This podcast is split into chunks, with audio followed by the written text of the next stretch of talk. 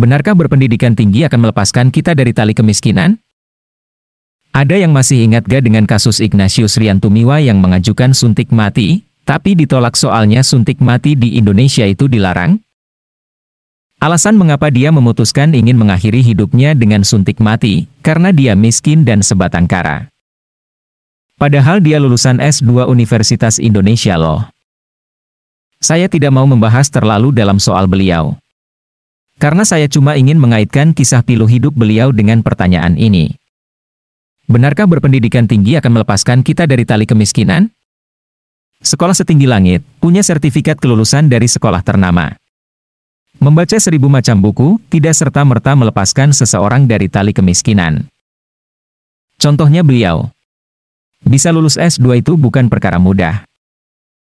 Tapi mengapa beliau masih hidup dalam kemiskinan?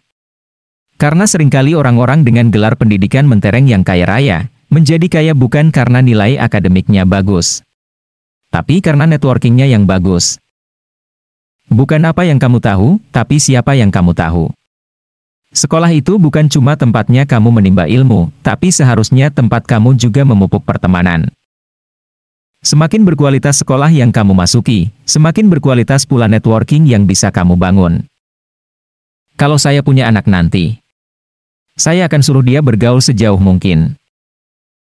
Jangan sama kayak bapaknya, yang jadi kupu-kupu, kuliah pulang, kuliah pulang.